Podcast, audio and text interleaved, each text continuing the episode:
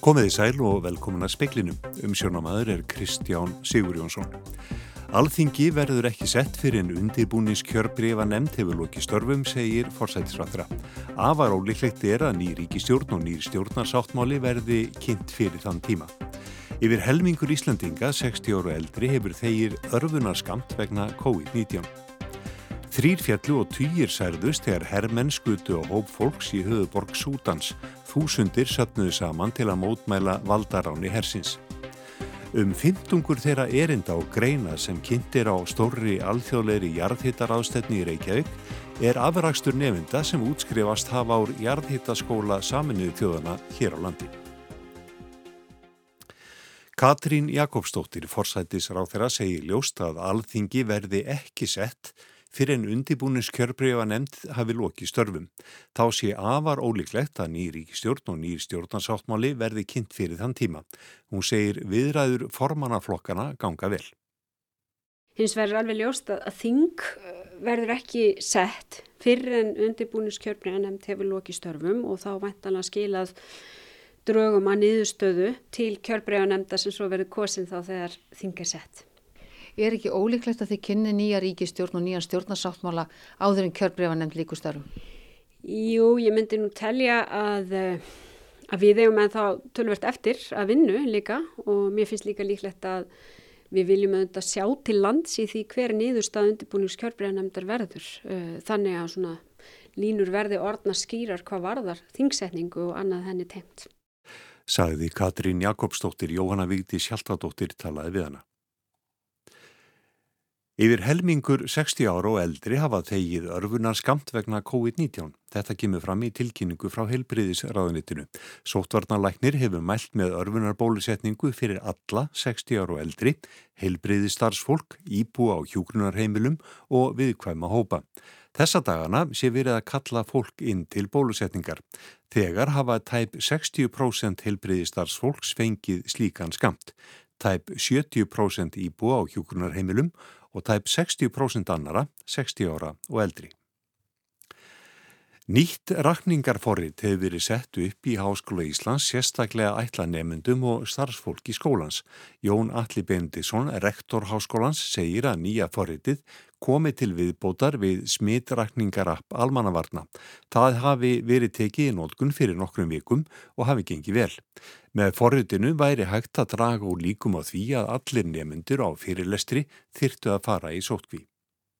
Það geti bara skráð sig hvar það sæti þannig að ef það kæmi upp smitt þá uh, væri auðveldara að fylgjast með því þannig að það væri bara fólk kannski í nágreininu sem þurfti mögulega að fara í sótkví og svo mm -hmm. þarfram til göttunum og uh, við erum náttúrulega ekki í smittrækningu en þetta var bara eiginlega lagt upp með þetta til þess að tryggja að það væri þægilega fyrir fólk að koma og það svona fyndi aðeins meira öryggi og þá þyrti uh, í einhvern tilvægum ekki bara heil uh, fyrirlestarsalur með 200 nefndum að fara í sóttkví. Það var hugsunin. Saði Jón Alli Bendisson, rætt var við hann í sítiðis útvarpinu á Rástvö. Að minnstakosti þrýr létu lífið og yfir 80 særðust þegar herrmenn skuti á hóp fólks í Kartúm, höfuborg Sútans í dag. Fjöldi fólks kom saman til að mótmæla valdaráni hersins fyrir í dag. Neiðar ástand er í gildum allt landið. Samtök sútanskra lekna greindu frá manntjóninu síðdegis. Fólk kom saman til mótmæla í Kartum og nokkrum öðrum borgum og síndi andstöðu sína við valdaránið í verki. Búist er við að þau verði enn fjölmennari á næstu dögum eftir að stjórnmálaflokkar, stjættarfélög og fleiri kvöttu til mótmæla aðgerða. Læknar hafa þegar tilkynnt að þeir ætli ekki að vinna á sjúkrahúsum undir stjórn hersins nema í neyðartilvikum. Hermenn og vopnaðir flokkar sem stiðið á eru kvarvetna á ferðin í kartum. Búið er að loka flúvelli, borgarinnar og millilandafluglikur niðri. Netið virkar ekki og símsamband var rofið fyrst eftir valdaránið í morgun. Abdallah Hamdok forsættisir á þeirra var handtekinn eftir að hann neytaði að stiðja kröfu aðstu manna hersins um að taka völdin í sínar hendur. Hann og eiginkonans eru í stofufangelsi og ótilgreindum stað. Fleiri ráþærar og hátsettir ennbættismenn borgararluta stjórnarinnar voru einnig teknir höndum. Valdaráninu hefur viða verið mótmælt. Antonio Guterres, aðal Frankvænda stjóri saminuðu þjóðana, krefst þess að forsættisráþaranum og öðrum sem voru handteknir í dag verði sleft þegar í stað. Áskir Tómasson saði frá. Traust Íslandinga til heilbriðiskerfisins og getu þess til að takast á við nattrænar heilbriðisóknir hefur aukist eftir heimsfaraldur korunuverinar. Þetta kemur fram í nýri rannsókn Geirs Gunnlaugssonar, fyrverandi landlæknis og profesor emeritus í nattrætni hilsu við Háskóla Íslands. Þá rannsakaði hann í tvígang viðhorf landsmanna til þess hvort heilbriðiskerfi hérlendis réði við alvarlega smittsjúkdóma. Fyrst þegar ebólufaraldur geysaði í Afríku og aftur þegar heimsfaraldur COVID-19 gekk yfir heimsbyðina.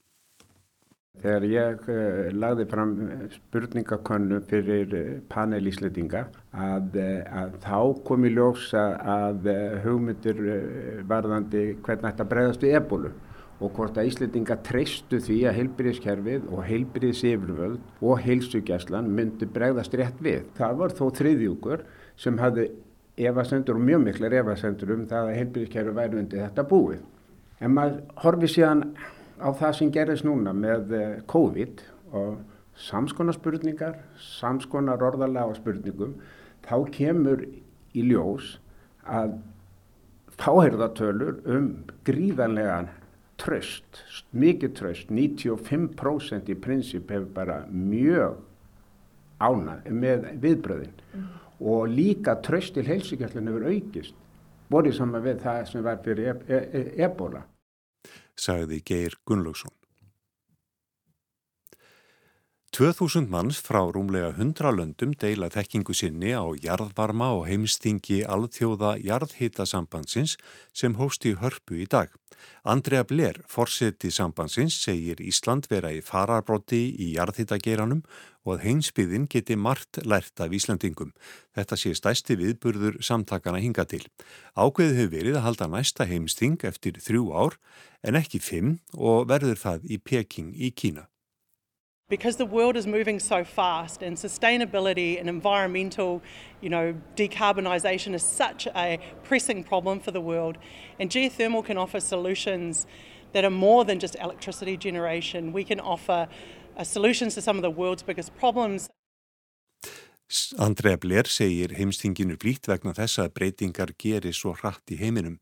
Sjálfbærni og kóletnisjöfnur séu mál sem brínt sé að takast á við og jarðhiti kunni að hafa lausnindnar og þá ekki aðeins rafmagn. Við getum bóði lausnir á heimsins stærstu vandamálum, segir Andrea Blair. Nánari fjallaðum rástefnuna í sjómansfréttum en einni hér í speklinum því á 800 nefnendur frá 63 löndum hafa undanfærin 40 ár útskrifast frá jarðhita skóla saminuðu þjóðana hér á landi. Skólinn hefur skapað sér gott orðspor í þróunarlöndum og nefnendur hans, núverandi og fyrverandi, setja sveipsinn á stóru jarðhitar á stönduna sem nú er haldinn í hörpu í Reykjavík. Ingimar G. Haraldsson er aðstóðar forstöðumadur skólans.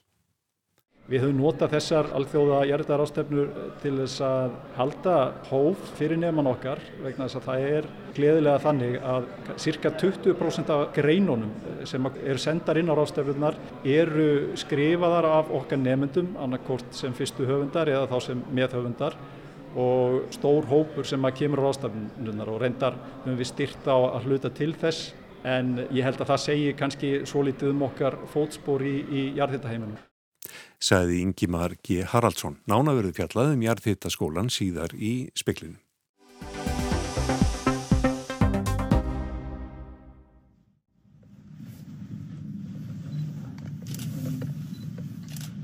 Hann virtist fullkomlega yfirvegaður þegar hann þurkaði blekið af fingurgóman. Ótóníel, allræmdur kolumbískur fíknefnabarun sem nú hefur verið handtekinn. Hann fyldi fyrirmælum lögreglulósmyndarans, tók niður grímuna, horfiði beint fram snýri sér svo hægri hlið og næst á þá vinstri. Setti hendurnar því næst samvinnu þýður aftur fyrir bak og beð þess að vera handjárnaður, en það sjálfsagt búist lengi við því. Ódaniel sem heitir í raun Dario Antonio Súka er nýjórðin 50, snóðkliftur með hákollvik og dálitla velmögunar bumbu. Hann var klætur svörtum stuttarmaból, svörtum buksum og neháum svörtum gúmistígvilum þegar að tveir lauruglumenn leittu hann út úr flugvél lauruglunar á vellinum í Bogota og síndu grepin fjölmjölafólki og er fáum heró lauruglumennum. Yfirvöld bæði í Kolumbíu og í bandaríkjónum hafa árum saman viljað hafa hendur í hári hans. Stjórnvaldi í heimalandinu buðu 800.000 bandaríkjadali fyrir upplýsingar um dvalarstað hans. Það eru röskar 100 miljónir króna og bandaríkjamenn 5 miljónir dala í verlun. Það gera hvorki meira nýminna en 650 miljónir króna. Það eru í raun tvær vikur síðan að yfirvöld höfðu upp á sama stað Ótoníels og það var gert með fjarkönunarbúnaði. 50 sérfræðingar lögðust yfir gerfinhattamindir og bresk og bandarísk yfirvöld tóku þátt. Lögregla og herr Kolumbíu saminuðist um að góma barónin á lögardag. 500 herrmenn tóku þátt og notaðar voru 22 þyrlur í aðgerðinni. Sjálfsagt þykir það vel í lagt en taka verður með af því að margar tilraunir hafa verið gerðar til að ná fóringjanum og mörg þúsund manns tekið þátt í þeim.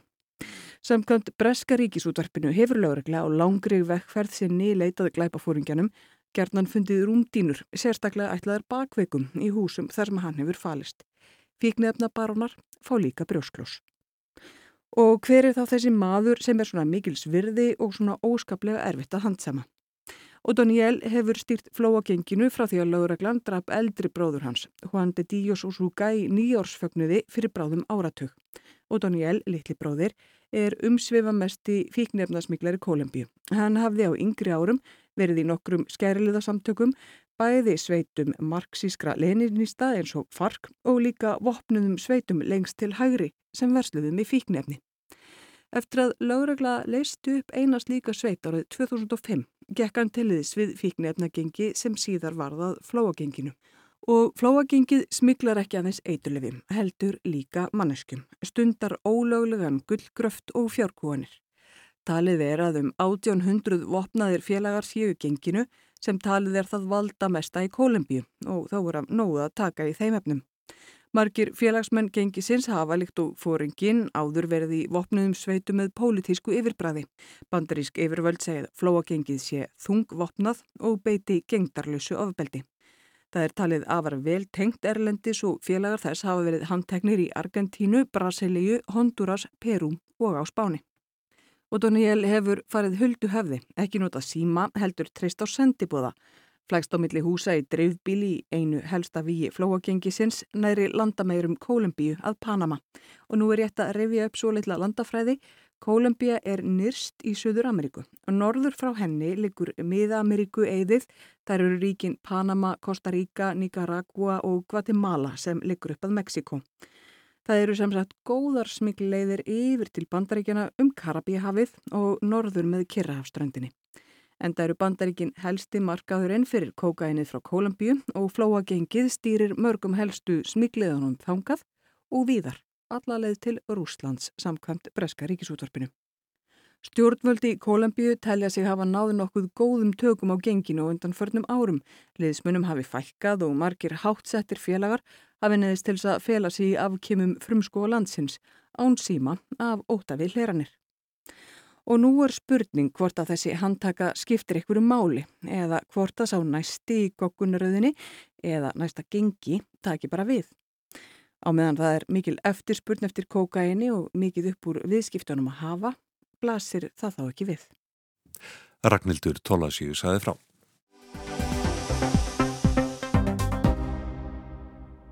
Verslunaskóli Íslands ætlar að gæta að kynja hlutföllum við innritun nefnda. Þar hefur hingað til verið hort til enguna úr grunnskóla og það er umreiknaður í stigafjölda en þess nú líka gæta hlutfall kynns far ekki yfir 60% innritaðra nefnda. Stúlkur hafa verið miklu meiri hluta nýnema í verslunaskólanum undanfærin ár, hlutfall þeirra hærra en í umsóknum þar sem skiptingin hefur verið 60% stúlkur og 40% drengir. Engunir stúlna hafa verið hærri en drengja og það er því frekateknar inn. Segir í umfjöldunum vef skólan sem jöfnun kynja að þegar engunir í við lok grunnskóla séu samt borðna saman við meðalengun á stúdensprófi sé engin fylgni á milli kvorki hjá stúlkum í drengjum. Súsa Susanna Margret Gestóttir er lektor á mentavísindasviði Háskóli Íslands.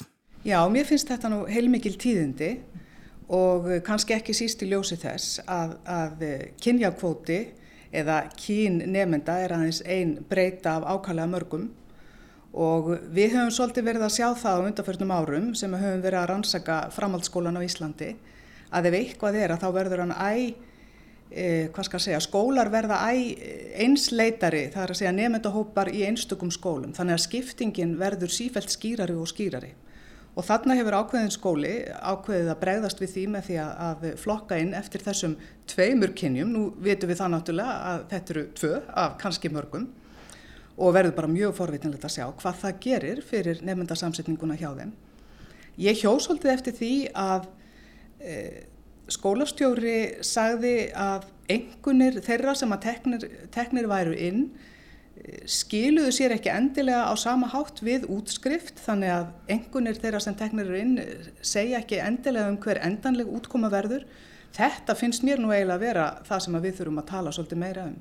Því að hinga til hafa skólar náttúrulega flokka mjög hressilega inn eftir engunum í lok grunnskólanáms og eh, ég er ekki vissum að það sé endilega mjög snjált. En hvaða leiðir á þá að fara og það er kannski sérstaklega það sem að margir sækjum í sömu skólan? Ég hef grunum það að það þurfi einhvern veginn að kynna það betur fyrir, já nú hef ég rætt þetta við marga náms- og starfsákjafa, þannig að ég segi eiginlega ekki bara nefendum í nýjunda og tíunda bekk, heldur ekki síður foreldrum þeirra, að hvað skólanir raunverulega hafa upp á að bjóða. Og sem betur fyrir er heilmikil fjölbreytni í okkar skólakerfi. Við höfum rúmlega 30 framhaldsskóla og eh, þeir eru af ymsutægi og sérhæfa sig í ólíkum greinum og viðfánsefnum og uh, samfélagið er markbreytilegt og fjölbreytilegt en skólanir hafa einhvern veginn ekki náð að halda í við það.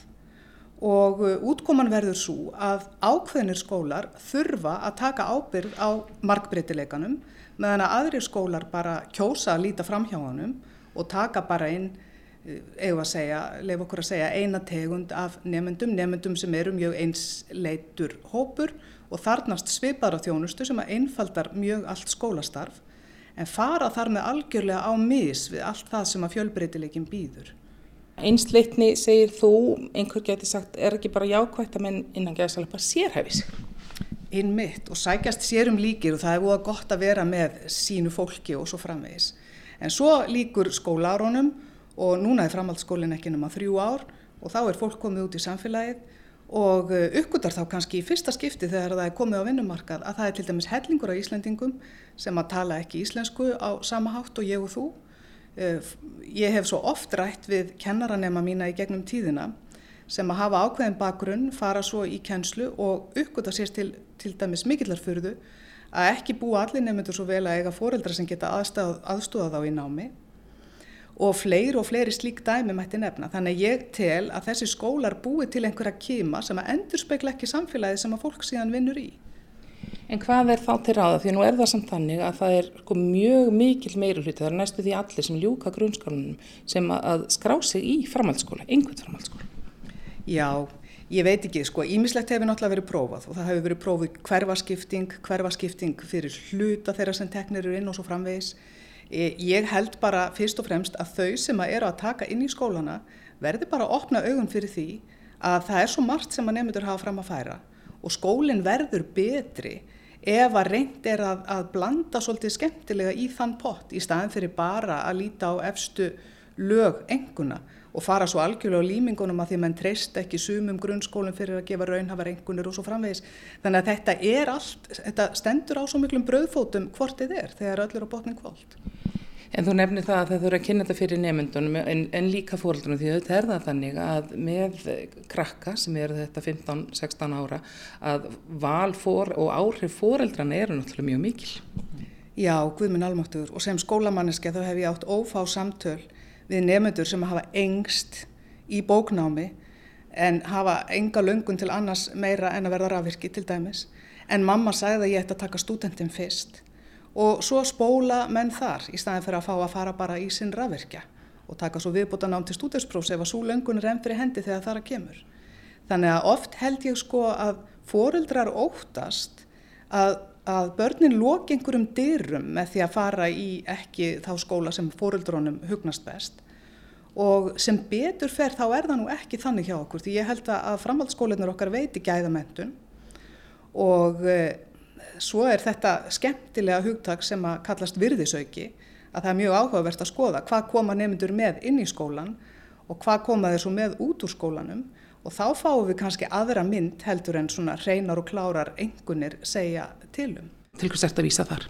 Ég er að vísa til þess að skólar sem að hafa fjölbreytta nefndahóp og bjóða þar alveg upp á margvíslega þjónustu og margvíslega stuðning að þeir geta eld nefndur miklu, miklu meira heldur en skólar sem að fara, fara aðrar og, og svona þrengri leiðir við mentun framhaldsskólanema.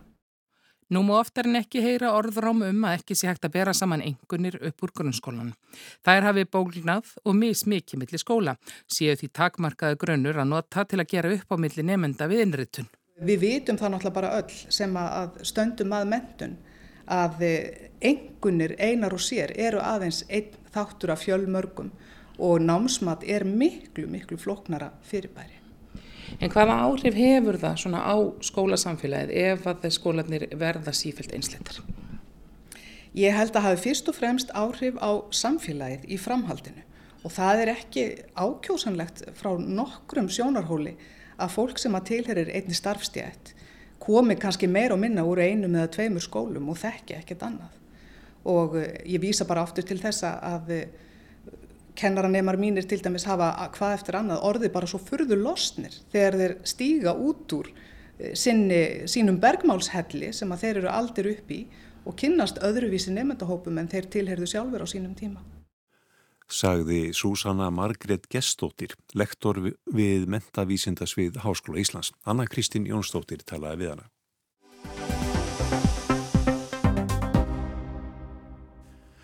Jarðhýta skóli saminuð þjóðuna hefur starfað hér á landi núna í rúm 40 ár.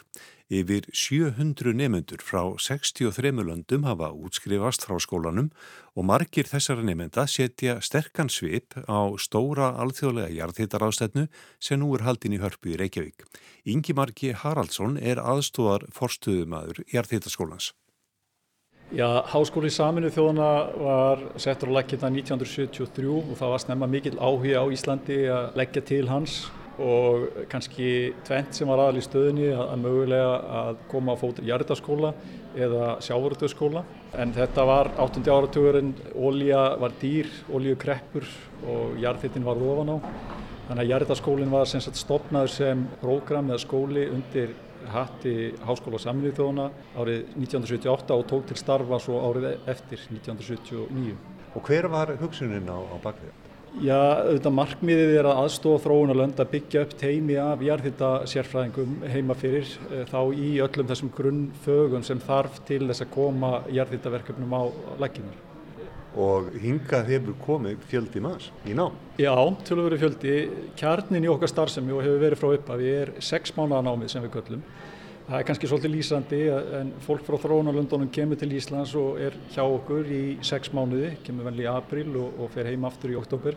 Frá hinnum ímsu löndum, ég held að talan standi í 63 núna, við erum náttúrulega meirinn 40 ára sögu og við höfum útskrifað 718 nema frá þessum löndum og erum með 25 til viðbútar í námi núna.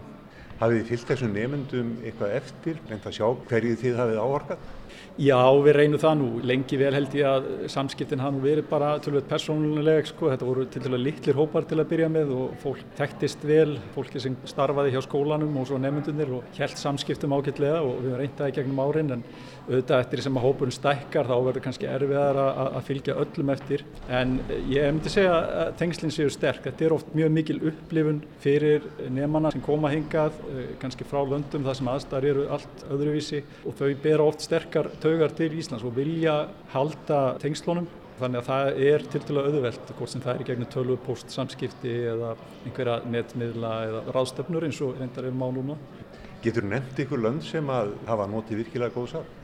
Já, já, það eru lönd sem að koma upp í hugan eins og Kenya kannski kemur fyrst upp í hugan, það er nú, það er stæsti hópurinn sem hefur komið þaðan. Ég er enda mann nú ekki auðvitað ekki nákvæmlega törn, ég held að sé ykkur um 120.